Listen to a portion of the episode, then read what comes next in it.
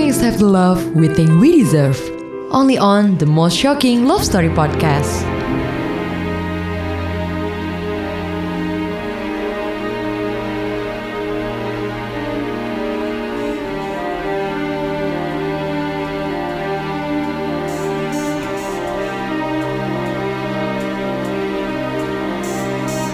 Nama gue Lara. Hari pertama tuh selalu meresahkan. Gak ngenakin deh pokoknya. Hari pertama apa pun ya. Nah kali ini yang gue alami adalah hari pertama masuk kerja di kantor baru. Kantor situs lifestyle ngetop di ibu kota yang dikenal juga sebagai referensi kaum hipster. Uh, tahu kan ya hipster apaan? Udah gak asing lagi kan? Hipster itu mereka yang punya selera keren, bukan selera orang kebanyakan. Hipster nggak mau tuh cuma nonton film-film blockbuster kayak Avengers atau serial Game of Thrones. Hipster tuh dengerin musik yang unik dengan banyak genre yang diawali dengan kata indie. Indie pop lah, indie rock lah, indie elektronik, indie folk. Pokoknya segala macam jenis indie deh. Bon Iver, Lanny, The 1975, atau yang baru tuh, Hindia. Kalau lo cuma tahu satu dari nama-nama yang tadi, udah pasti lo bukan termasuk kategori hipster. Sorry ya. Hipster tuh nonton film-film independen, bukan cuma film-film box office yang diputar di bioskop aja. Dan tentunya, hipster punya selera fashion yang lebih keren dibandingkan selera fashion orang pada umumnya. Gue gak tahu ya, apa yang membuat gue keterima kerjaan jadi fotografer di kantor yang terkenal sangat selektif dalam mempekerjakan karyawannya ini. Hmm, apa mungkin mereka tertarik dengan portfolio gue sejak SMA ya? Sampai nyelesain kuliah di Amsterdam maksud gue. Bokap gue tuh orang Belanda asli. Dan nyokap gue orang Indonesia keturunan Jawa. Nah kalau mereka berdua sih sekarang masih tinggal di Amsterdam. Sedangkan gue memutuskan untuk balik lagi apa ya? Coba kerja di Jakarta.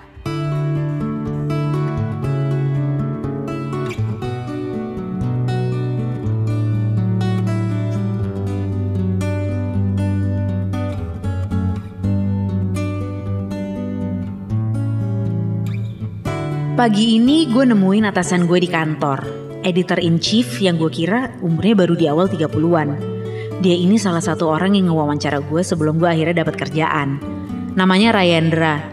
Tinggi, pakai kacamata, penampilannya metroseksual gitu deh. Gue sih sebenarnya belum bisa mastiin ya. Is he gay or straight? Setelah ngomongin kerjaan, Rayendra tuh mulai nanya-nanya banyak hal di luar kerjaan gitu. Kamu di Jakarta tinggal sama siapa?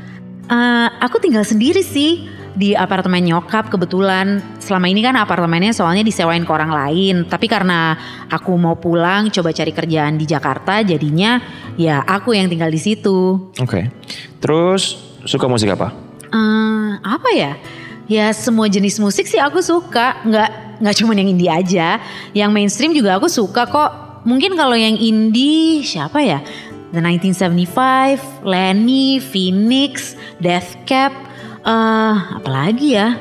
Uh, oh ini yang lokal yang uh, dari Indonesia, Hindia itu aku juga suka. Tapi kalau yang mainstream aku juga dengerin Taylor Swift. kalau film suka nonton? Terus sukanya film-film kayak apa? Hmm, film ya? Ya suka juga uh, film indie, film festival. Tapi bukan cuma itu aja sih film Hollywood juga aku nonton drama kayak action, thriller, semuanya deh. Aku sih nggak terlalu pilih-pilih. Oke. Okay. Kamu udah punya pacar? Hmm? Terus kapan terakhir pacaran? Uh, kebetulan sekarang lagi nggak punya pacar. Terakhir pacaran Ya sekitar enam bulan lalu lah ya waktu putus. So are you straight? Huh? Pernah punya pengalaman dengan sesama jenis? Um, yeah, I'm straight. Uh, it's kind of a personal question, don't you think? Tapi ya uh, bukan hal aneh juga sih kalau cewek-cewek di Belanda pernah punya pengalaman dengan sesama jenis. They're only bi curious though. Okay, but you didn't really answer my question. Hmm? Jadi, udah pernah punya pengalaman dengan sesama jenis? Uh, Oke, okay, ya udah pernah. Once, just once. There, I've said it, okay? Gue nggak tahu ya apa yang membuat bos gue tuh nanyain hal-hal pribadi kayak gitu. Tapi Ya terus dia berusaha ngejelasin sih Katanya pertanyaan-pertanyaan seperti itu tuh biasa banget dilontarin di lingkungan pekerjaan seputar gaya hidup dan hiburan Jadi ya kalau kata dia nggak ada yang harus dikhawatirin. Nah setelah itu si Rayandra cuma senyum terus nganterin gue deh ngeliat kubikel gue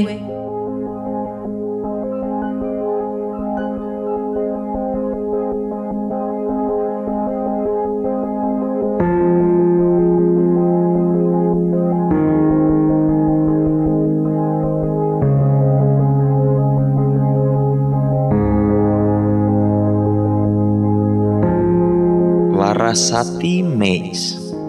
Bule kok namanya Larasati.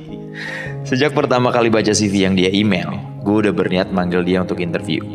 Setelah akhirnya bertatap muka sama Larasati May yang maunya dipanggil Lara, gue sempat mikir, seharusnya cewek umur 23 tahun ini jadi foto model aja, bukan malah jadi fotografer.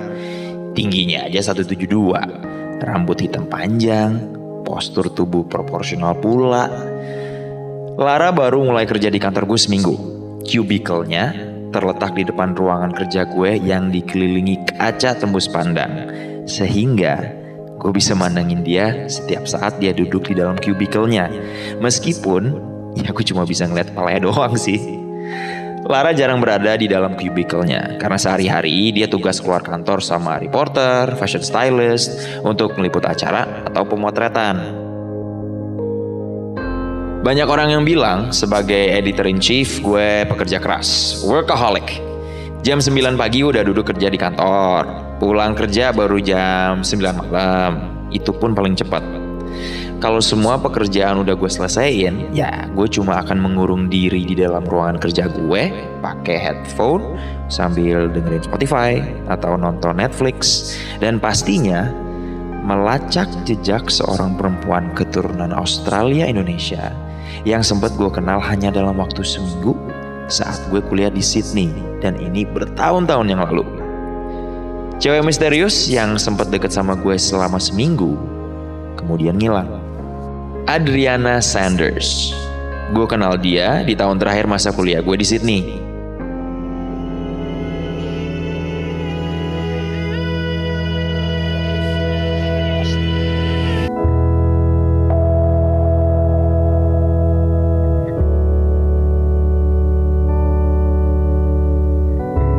Suatu malam di Sydney, Gue kenalan sama Adriana di sebuah bar waktu gue lagi jalan sama dua orang teman kuliah gue, Nick dan Catherine. Ya singkat cerita, malam itu kita berempat mabok berat dan berakhir di apartemen gue. Dan malam itu kita foursome. Gue masih akan selalu ingat waktu dia di atas gue. Terus dia nanya, Do you have any condoms? Paginya waktu gue bangun, Adriana udah cabut. Tapi dia ninggalin nomor handphone dia di meja samping tempat tidur gue. Pertemuan gue sama Adriana berikutnya cuma berlangsung selama seminggu. Dan di hari ketujuh, gue jatuh cinta. Di hari itu pula, dia ngilang. Nomor handphonenya nggak aktif, terus setelah gue sadarin, dia udah ganti nomor. Gue nggak pernah tahu dia tinggal di mana. Di hari kedua, gue sempet sih nanya alamat rumahnya tapi dia cuma menjawab dengan senyuman I don't let strangers know where I live. Setelah tujuh hari kenal dan deket sama dia terus dia ngilang tanpa jejak. Sampai bertahun-tahun sesudahnya dan sampai sekarang. Sejak itu, gue belum pernah benar-benar dekat atau pacaran dengan siapa pun. Can I swear? Banyak orang ngira gue gay. Fuck it, I don't give a shit. Ya mungkin karena didukung sama penampilan gue yang metroseksual. Gue gak peduli juga sih sama orang mau ngomong apa. Satu-satunya pengalaman seksual dengan sesama jenis, gue akuin nih ya, cuma pernah gue lakuin satu kali dengan temen gue Nick di Sydney. Tapi itu pun berbarengan dengan dua cewek lain dan dalam keadaan mabok. Selama bertahun-tahun kemudian yang jadi pasangan tidur gue cuma cewek-cewek yang bisa gue bayar. No affair, no drama, no repeat order. Beli putus lalu selesai. Selebihnya nggak ada kisah cinta. Oke mungkin ini gila ya, tapi gue masih ngarepin Adriana suatu hari akan hadir lagi dalam hidup gue. Dan gue pengen mempersiapkan diri gue sebaik mungkin hanya buat dia. Selama ini hati gue udah gue kosongin demi sebuah ruang untuk seorang Adriana Sanders yang sekarang udah gak tahu di mana. Lalu gue kenal Lara.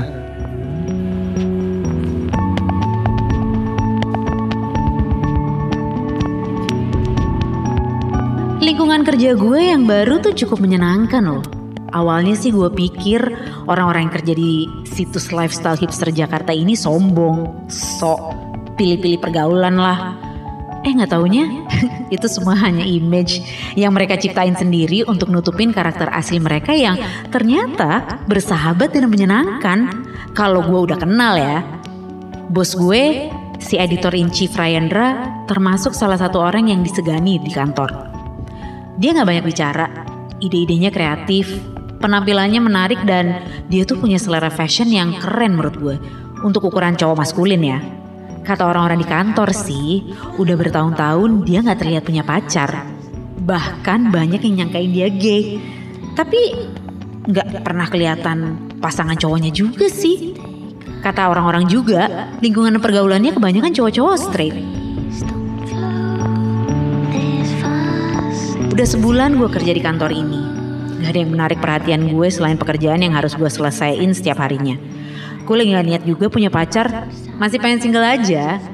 Suatu malam, untuk pertama kalinya nih, di luar jam kerja, Rayandra WhatsApp gue. Hey Lara, lagi sibuk? Hai Ryan, enggak kok, uh, baru sampai rumah. What's up? Sorry ya aku ganggu. I just wanna share some ideas for the next fashion spread. No problem. What is it? Okay, so I have this crazy idea about obsessions. So the concept will be based on that. Wow, sounds good. All right, let's discuss it over lunch. You're free for lunch tomorrow, right? Um, ya, aku nggak ada jadwal keluar kantor kok besok. Yeah, I know. I have everyone's schedule on my phone. Of course, duh, he's my boss. Dia bisa ngelakuin apa aja untuk mastiin semua anak buahnya kerja nyelesain deadline tepat waktu deh.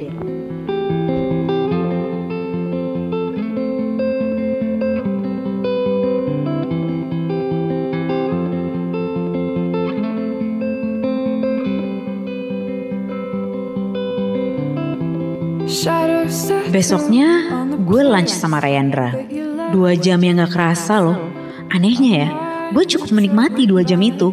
Padahal yang dibahas hanya seputar kerjaan. Lagi-lagi gue harus mengakui bahwa ngobrol berlama-lama sama Rayandra membuat dia kelihatan semakin menarik. Maybe because of the way he talks. Or maybe because the way he looks at me.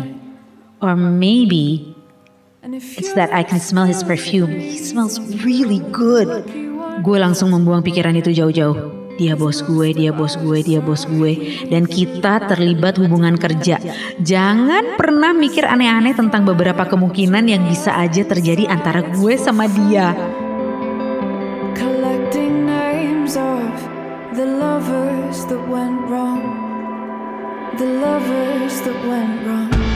Makan siang pertama berlanjut jadi makan malam pertama.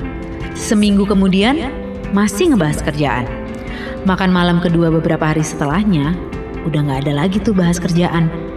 Perempuan tuh emang gampang banget dibuat terpikat cuma dengan kata-kata ya. Bukan dengan kata cinta, tapi kata-kata yang memancing otaknya untuk bekerja. Rayandra tuh ngasih gue sejumlah tantangan yang sebelumnya gak pernah gue alami dengan cowok-cowok lain yang berusaha ngedeketin gue.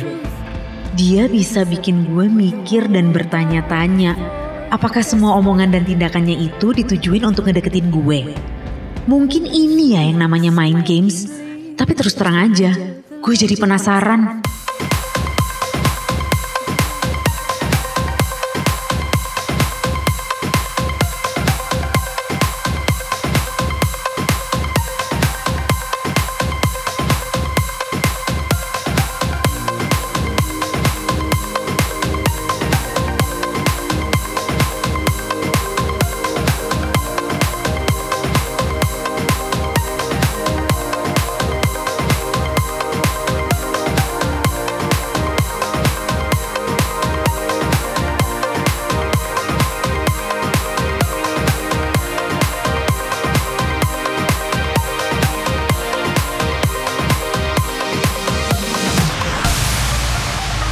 Hari ini tepat tiga bulan gue kenal Lara.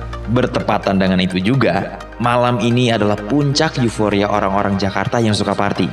Karena festival musik elektronik terbesar di Jakarta yang udah lama ditunggu-tunggu, akhirnya hadir. Tempatnya di sebuah area di Pantai Ancol. Line up-nya DJ internasional dan lokal kelas 1. Sekantor gue udah pada janjian semua buat datang ke sana. Lara salah satunya yang paling semangat buat datang. Untuk persiapan datang acara ini, gue udah ngebuk kamar suite di hotel deket Ancol situ. Karena festival ini tuh baru akan selesai jam 10 pagi di hari Sabtu, yang berawal dari Jumat sore upeti dan amunisi juga udah gue dapetin dari klien yang pengen ngejaga hubungan baik sama kantor gue. Mulai dari yang bentuknya cairan sampai pil bulat. Mulai yang dari legal sampai ilegal.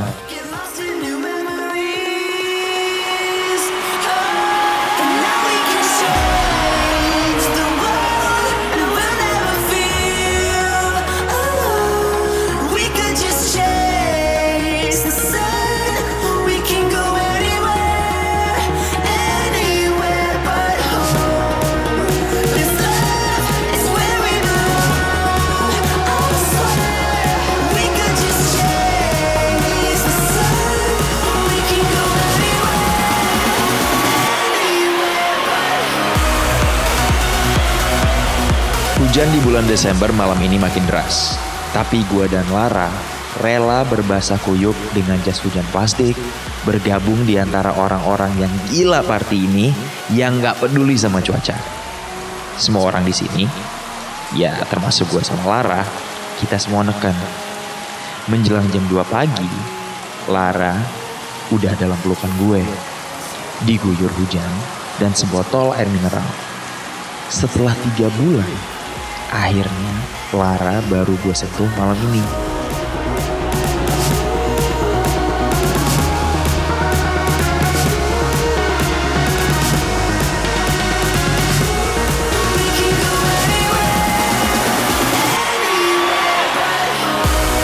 Menjelang jam 4 pagi, saat DJ terakhir naik ke atas panggung, dia nanya, Aku mau ke after party dulu deh, boleh nggak? I said yes. Anywhere you wanna go.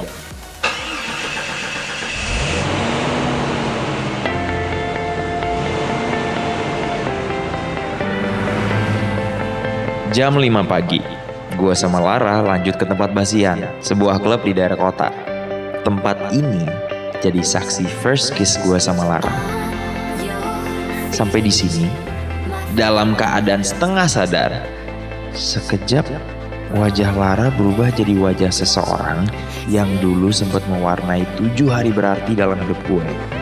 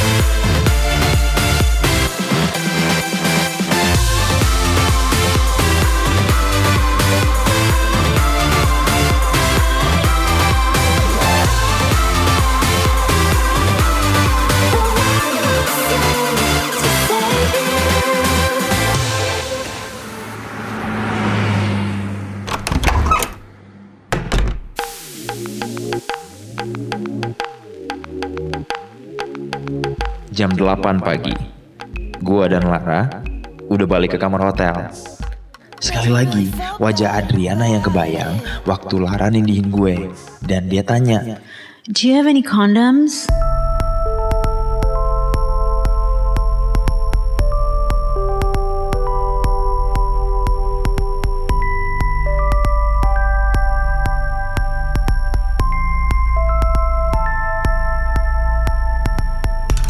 Jam 2 siang gue bangun.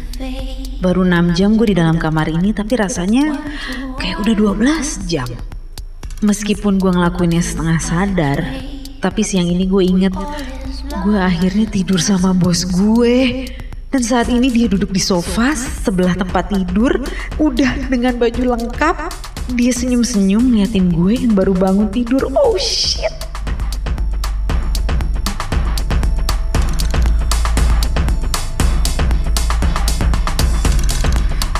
Hey you, Hey, did you sleep well? uh, yeah, I guess. Hey, are you okay? Yeah, yeah. You sure? Look, don't worry about last night, okay? Gak ada yang aneh kok. Jalanin aja. Gini deh, kalau kamu ngerasa nyaman sama aku, jalanin. Kalau enggak, ya nggak usah dijadiin masalah. Kita tuh hidup cuma buat nyari nyaman kok, bukan buat cari ribet. You wanna take a shower? Habis itu kita check out. Then, let me find you something to eat, okay?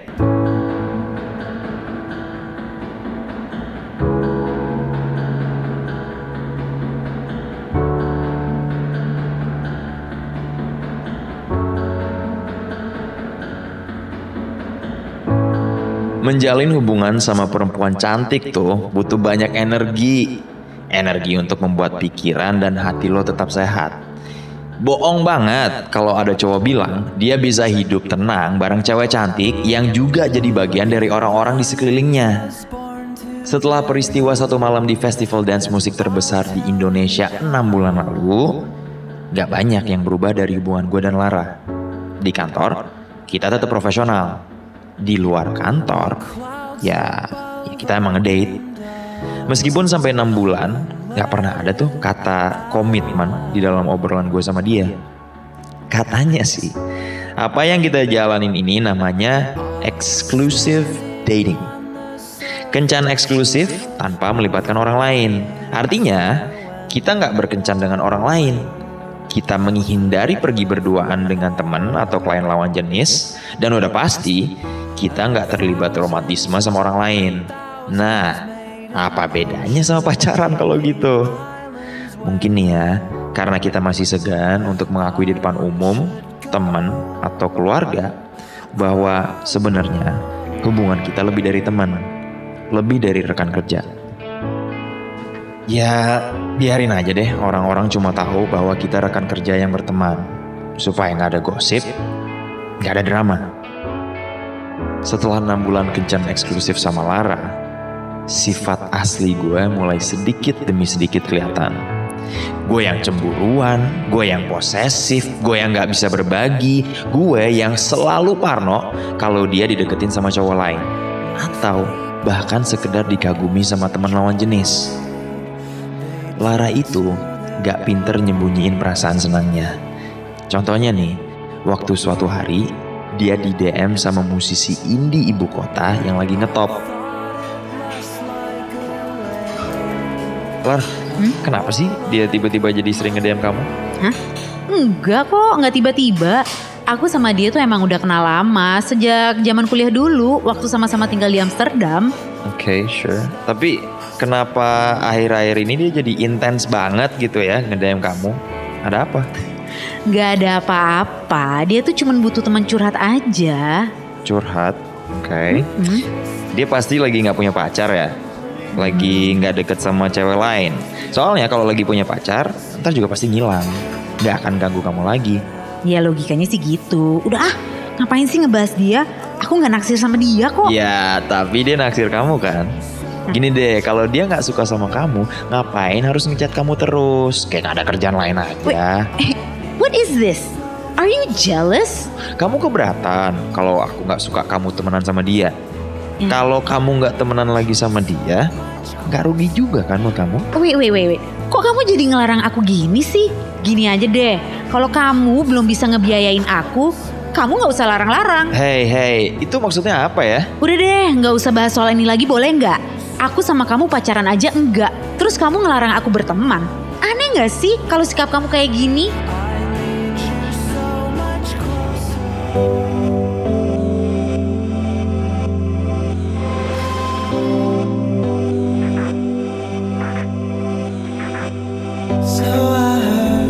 Lagi-lagi komitmen. Sulit sih emang untuk membentuk sebuah komitmen kalau hubungan itu sendiri dirahasiain. Dengan gak adanya komitmen, ya tentu aja Lara bisa ngelakuin apa pun yang dia mau tanpa harus ada persetujuan gue. Dan gue cuma bisa memendam rasa pengen memiliki. Broken bottles in the hotel lobby. Seems to me like I'm just scared of never feeling it again. But I know it's crazy to believe in silly things, but it's not that easy. Apa sih yang dicari orang dari sebuah hubungan? Kenyamanan. Awalnya emang gue ngerasa nyaman banget dengan hubungan rahasia gue sama si Rayendra bos gue itu. Kita sama-sama berhasil misahin urusan pekerjaan sama urusan pribadi. Sebagai bos, dia tuh selalu support karir gue sepenuh hati. Sementara sebagai pacar rahasia, dalam tanda kutip, dia ngertiin kebutuhan gue sebagai perempuan. 6 bulan gue terlibat affair sama dia, cinta. Ah, rasanya dibilang cinta juga bukan ya. Seks. ya, maybe that's a better word for it. Alangkah sempurnanya kalau dia tuh juga bisa bersikap kayak gue. Yang nyantai aja ngejalanin hubungan tanpa ngelibatin emosi Tanpa perasaan pengen memiliki. Gak bisa disangkal emang sih Hubungan yang intens berawal dari sesuatu yang terus menerus Ketemu setiap hari di kantor Ngedate di malam minggu. Gak ada hari yang gue lewatin tanpa dia. Dia mulai banyak maunya. Banyak nuntut, mulai egois, mulai posesif di saat gue mulai gak betah sama perlakuannya, tiba-tiba datang tawaran kerja dari teman satu alma mater gue di Amsterdam. Ya tanpa pikir panjang langsung gue terima. Berlanjut dengan sebuah surat resign yang gue taruh tanpa rasa bersalah di atas meja Rayendra.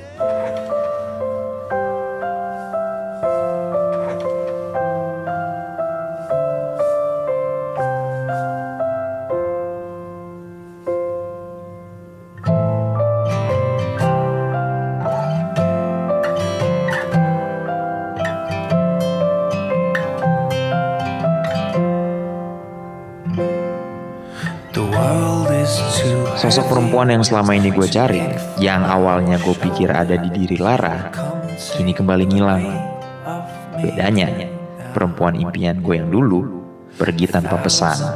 Perempuan impian gue yang sekarang pergi dengan surat resign. Bagaimanapun juga, pergi dengan berpamitan secara baik-baik masih jauh lebih terhormat dibandingkan pergi menghilang tanpa jejak. Orang bilang, kalau kita mencintai seseorang, seketika itu juga kita harus ngebebasin dirinya. Gue bahkan gak ngerti, apakah perasaan gue buat Lara adalah cinta atau sekedar obsesi. Sekarang Lara udah jauh.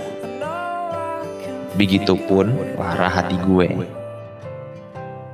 Gue buang jauh-jauh sisa rasa gue buat dia. Sementara gue mulai lagi nge-google sebuah nama. Adriana Sanders.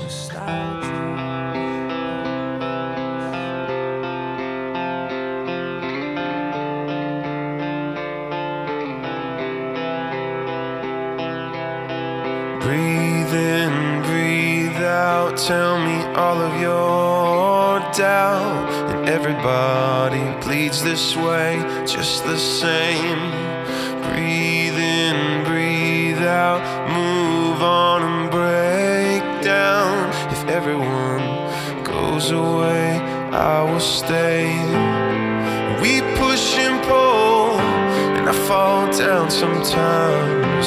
And I'm not letting go.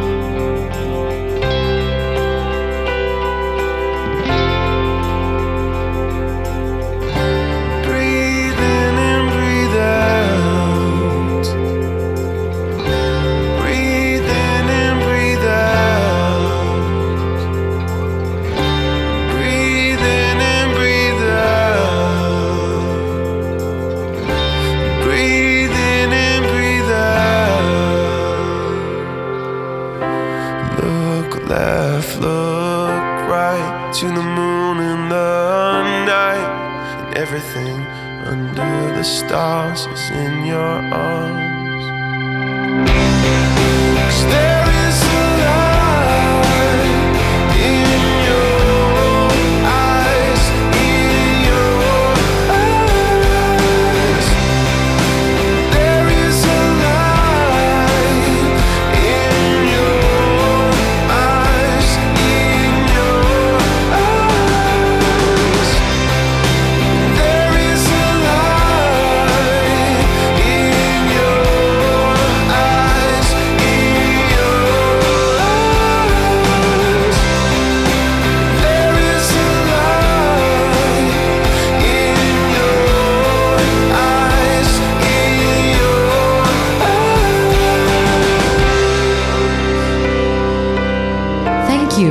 listening the most shocking love story podcast. See you on the next episode.